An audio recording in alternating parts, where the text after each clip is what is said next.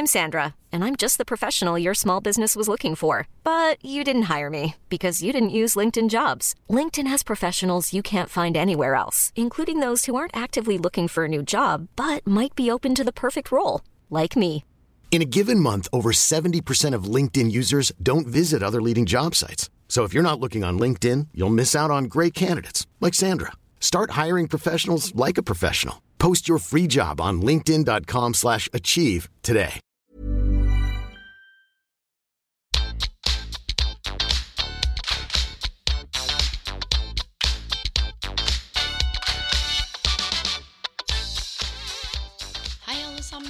Velkommen tilbake til podkasten Karriereveiledning med Elaine. I ukens episode så er det kun meg, men jeg har diska opp noe som virkelig kan være spennende for deg, knytta til både karrierevalg, karriereveiledning og generelle refleksjoner knytta til din karrierevei. Jeg skal nemlig ta for meg kort om Daniel Kahnemans ekstremt spennende forskning. Og Daniel Kahneman han er en israelsk-amerikansk psykolog og nobelprisvinner i økonomi. Men det han er mest kjent for, det er forskningen sin på beslutningspsykologi. I hvert fall spesielt beslutningspsykologi. Det er også atferdsøkonomi og lykkeforskning. Men det er nemlig sånn at mye av forskningen til Daniel Kahneman på beslutningspsykologi ser vi nå brukes innenfor nevroøkonomi, atferdsøkonomi og en hel del andre ganske store og interessante fagområder. Og så er det jo sånn da at disse systemene, som Daniel Kahneman kaller det, det handler om at det ene systemet tenker fort, system 1, og det ene systemet, system 2, det tenker langsomt. Og det innebærer altså at han forteller oss at det er to måter å tenke på. På den ene måten så trenger vi ikke bruke mye energi og yte så veldig. Men det er med det andre systemet, system 2, det er mye mer krevende og prosesserer på en helt annen måte. Blant annet så er det jo sånn med system 1. Det er rett og slett Jeg skal gi et eksempel. Hvis jeg sier 1 pluss 1, så vil du automatisk eh, mest sannsynligvis vite at det er 2. Eller 2 ganger 2 vil du sannsynligvis ha svaret på ganske raskt. Samtidig, hvis jeg hadde vist deg et bilde av en ekstremt glad og smilende person, så ville du ganske raskt tolket at dette mennesket antageligvis er ganske så glad å bli. Men hvis jeg hadde bedt deg f.eks. løse dette mattestykket her, 36 ganger 54, da kan ikke du mest sannsynligvis ty til system 1. Da er du nødt for å koble på system 2, som håndterer mye mer krevende prosesser. Og det er jo sånn at på system 2 så bruker du en hel del rekke trinn og en hel del andre ressurser og en mye mer langsom tenkning enn om du skulle brukt system 1. Og det er jo sånn at psykologer har i mange, mange tiår interessert seg intenst for hvordan vi tar beslutninger, og spesielt hvordan disse systemene egentlig fungerer. Så tenker du ok, dette høres interessant ut, men hvordan kan det være relevant for meg? Jo, se på karrierehistorikken din hittil. Hvordan er det du har tatt de beslutningene som har ført deg dit du er i dag? Og det jeg finner veldig interessant og utrolig spennende, er at alle gjestene jeg har hatt på podkasten, har mer eller mindre gjort seg de samme refleksjonene. At deres karrierehistorikk, altså når vi snakker om hva de ville bli når de var små, om de møtt på noen utfordringer, hindringer, hvem som inspirerer dem, så er det sånn at de fleste har hatt noen detours. Det har vært bort en blindgate og ned, og det har vært utfordringer. Og plutselig så traff man på noen som ga de en ny tanke, eller ble inspirert av noe. Flere har fått avslag på ting de har drømt om siden de var små. Og så har de endt opp med en annen vei, og endt opp akkurat der de er. Så hvis du ser på dine karrierebeslutninger hittil når jeg snakker om disse systemene, så kan det være at du enten får noen aha-opplevelser, i hvert fall ha i bakhodet hvordan du tar beslutninger. For noen av oss tar jo ganske kjappe beslutninger og hiver oss uti det, mens andre trenger mer ro og detaljer og oversikt og er mye mer grundig før de kan ta beslutninger. Så det vil jo selvfølgelig også ligge til bunn her. Men det som er poenget, at det er to tankesystemer som trer i kraft når det gjelder beslutningstaking. Og system 1, som Kanimal sier, det er raskt, det går på automatikk, og det systemet brukes hele tiden. Her finner vi følelser, her finner vi generaliseringer. F.eks. at det å jobbe i butikk er kult, eller at det å bli lege er et yrke man skal se opp til. eller det at osv. En del generaliseringer både samfunnsmessig? For det er jo sånn at vi har en del globale eller samfunnsstrukturelle narrativer som påvirker oss, og hvordan vi faktisk tenker om ulike yrker som vi kanskje ikke har sjekka ut ordentlig for å se om det stemmer. Så det er et eksempel på stereotypisk Herregud, kan ikke snakke, folkens. Stereotypiske valg. Bl.a. at alle kvinner blir flyvertinner, eller alle menn blir sånn. Det er også et eksempel på en generalisering eller en stereotypi. Og det er jo sånn at system 1, dette kjappe automatiske systemet, det byr nemlig på en del tankefeller. Det skjer ubevisst, og vi har ikke helt kontroll. Og system 1 brukes veldig ofte på dagligdagse situasjoner og dagligdagse beslutninger vi står overfor. Og to heuristikker, eller to tankefeller bl.a. Det fins jo en hel haug av de, men to stykker spesielt med tanke på karriere og karriereveiledning handler om tilgjengelighetsheuristikken. Her er system 1 fullt i gang. For ofte når vi tenker karriere eller skal reflektere over karrierevalg, så har vi en tendens til å tenke på det vi kjenner til, det vi har hørt om, det vi har sett masse, det som er top of mind, og det er i media. Så hvis jeg skulle spurt deg har du noen gang vurdert å bli foliemontør? Eller har du noen gang vurdert å prikk, prikk, prikk et eller annet annet yrke som du aldri har tenkt på? Det er mest sannsynligvis fordi at du har jo ikke oversikt over alle yrkene som finnes, og det er jo helt naturlig. Selv om jeg har sagt det tidligere, på www.utdanning.no kan du finne masse masse spennende informasjon om både alle mulige yrker og utdanninger, sånn at du faktisk kan overstyre system 1, sånn at ikke tilgjengelighetsheuristikken står Altså at det er den på en måte som råder. Så det kan være en liten refleksjon å ta med seg. Hvilke yrker og bransjer er det du egentlig kjenner til? Og kunne det vært en idé å utvide refleksjonene dine knytta til bransjer og eventuelt jobber eller utdanninger? For det er veldig lett å velge de tingene som er mest tilgjengelig for oss. Så er det jo sånn da at det også finnes en annen heuristikk, og det er ekspertheuristikken. Det kan jo være at man snakker med noen som man tenker har en spesifikk ekspertise på et område, og uten da å måte reflektere noe særlig mer over hva eksperten sa, annet at man tar det for god fisk, så ender man opp med å ta en beslutning, eller man gjør mindre research fordi man har såpass tillit til den eksperten.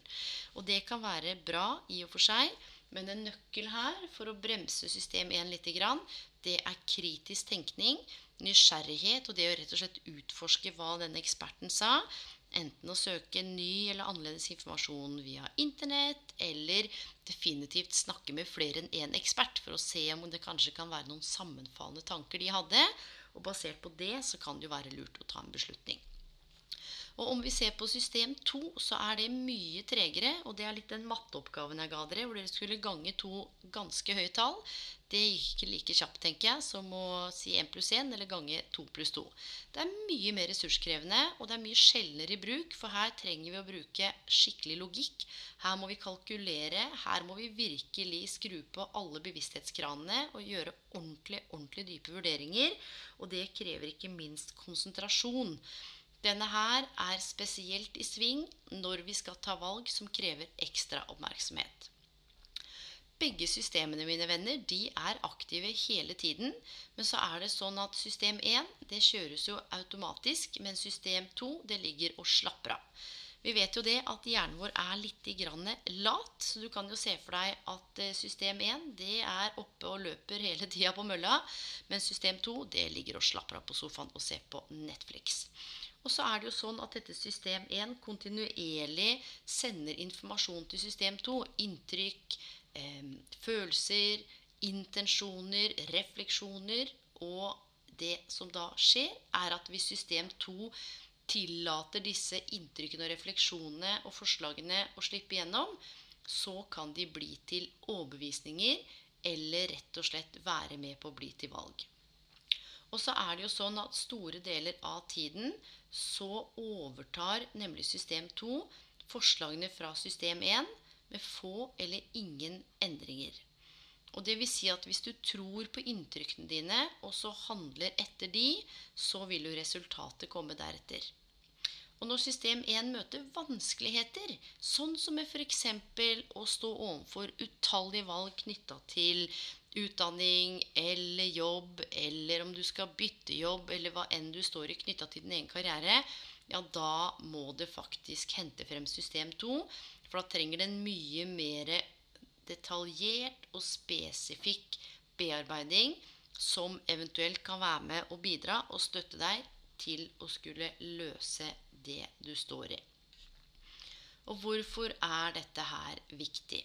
Vel, for det første så er boka til Daniel Kahneman i seg selv ekstremt spennende. Og for det andre så er vi utsatt for heuristikker, altså tankefeller, daglig. Og det er mange av dem. Og det som er utfordrende, er at vi ikke er bevisste bestandig. Og det leder nettopp til disse vurderingsskjevhetene. Det kan jo f.eks. være at du har valgt et eller annet yrke basert på en heuristikk eller en mental snarvei, hvor system 1 på en måte bare har kjørt uten å ha påkalt system 2. Men så kan du også kjenne de gangene du virkelig står overfor krevende beslutninger, hvor det er situasjoner hvor du må konsentrere deg og virkelig se på valgmuligheter, bli bedre kjent med deg selv, snakke med andre. Da kobler du på system 2 på en helt annen måte. Og så er det jo sånn at kapasiteten vår for oppmerksomhet, den er begrensa. Og det er jo helt greit. Vi klarer jo ikke få med oss alt til enhver tid. Og det ville, som som jeg sa, være umulig for deg å vite om alle mulige yrker og utdanninger til enhver tid. Men hele nøkkelen her er jo samhandlingen med disse systemene. Og det er jo det som er sentralt. At hvis du noen ganger vet at Oi, her var det et eller annet. Her var jeg litt kjapp til å ta den beslutningen. Eller her var jeg litt rask til å sette dette mennesket i bås, eller den jobben i bås, eller det jeg hørte i bås. Ja, da kan det være lurt, når system 1 møter på vanskeligheter, å påkalle system 2 for å bidra nettopp med det som skal til for å løse det aktuelle problemet. Det som skjer da, er at system 2 mobiliserer og går all in når det dukker opp spørsmål eller ting som system 2 egentlig ikke har noe svar på. Bl.a. sånn som det mattestykket. Så dette her handler jo om bevisst oppmerksomhet. Og det som er interessant, er at system 2 det blir aktivert når det rett og slett oppdages at det er en hendelse som bryter med det systemet eller den modellen av verden du hadde. Så hvis du har alltid tenkt at det er bare damer som er flyvertinner, så plutselig nå, er det jo mye, nå bruker jeg det som et eksempel. Nå er det jo sånn at det er mye mer mannlige purser også, eller flyverter. Se for deg en kvinnelig flykaptein. Det er ikke så vanlig. Da må system 2 ofte inn, og så må man bruke litt tid på å logisk bearbeide den informasjonen her. Så mine venner, dette her var bare sånn bitte, bitte, bitte lite dypdykk i noe som du kanskje kan tenke litt mer på fremover i tid. Og jeg anbefaler deg også å lese boken til Daniel Kahneman, eller forske litt på tankefeller og vurderingsskjevheter.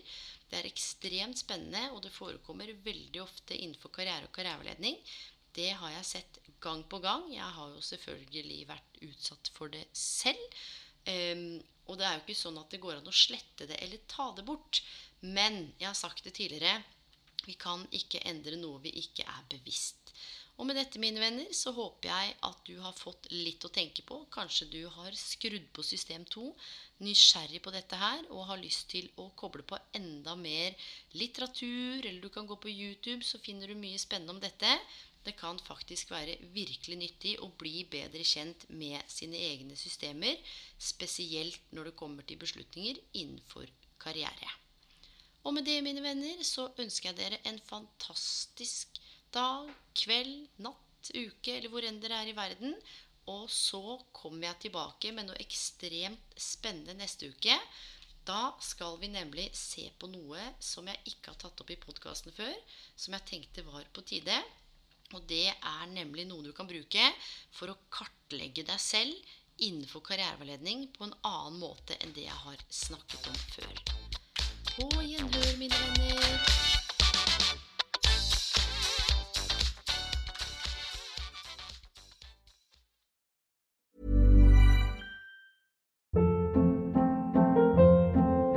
Hold up. What was that? Boring. No flavor. That was as bad as those leftovers you ate all week. Kiki Palmer here, and it's time to say hello to something fresh and guilt-free. Hello Fresh. Jazz up dinner with pecan-crusted chicken or garlic butter shrimp scampi. Now that's music to my mouth. Hello Fresh. Let's get this dinner party started. Discover all the delicious possibilities at hellofresh.com. My business used to be weighed down by the complexities of in person payments. Then, Tap to Pay on iPhone and Stripe came along and changed everything. With Tap to Pay on iPhone and Stripe, I streamlined my payment process effortlessly. Now I can accept in person, contactless payments right from my iPhone. No extra hardware required. What's truly remarkable is how I can cater to all of my customers' payment preferences. Whether they're using cards, Apple Pay, or other digital wallets, Tap to Pay on iPhone and Stripe ensure a smooth checkout experience every time. And it's not just me. Stripe helps businesses of all sizes, from local markets to global retailers, scale quickly and stay agile. To learn how Tap to Pay on iPhone and Stripe can help grow your revenue and reach, visit stripe.com/tapiphone.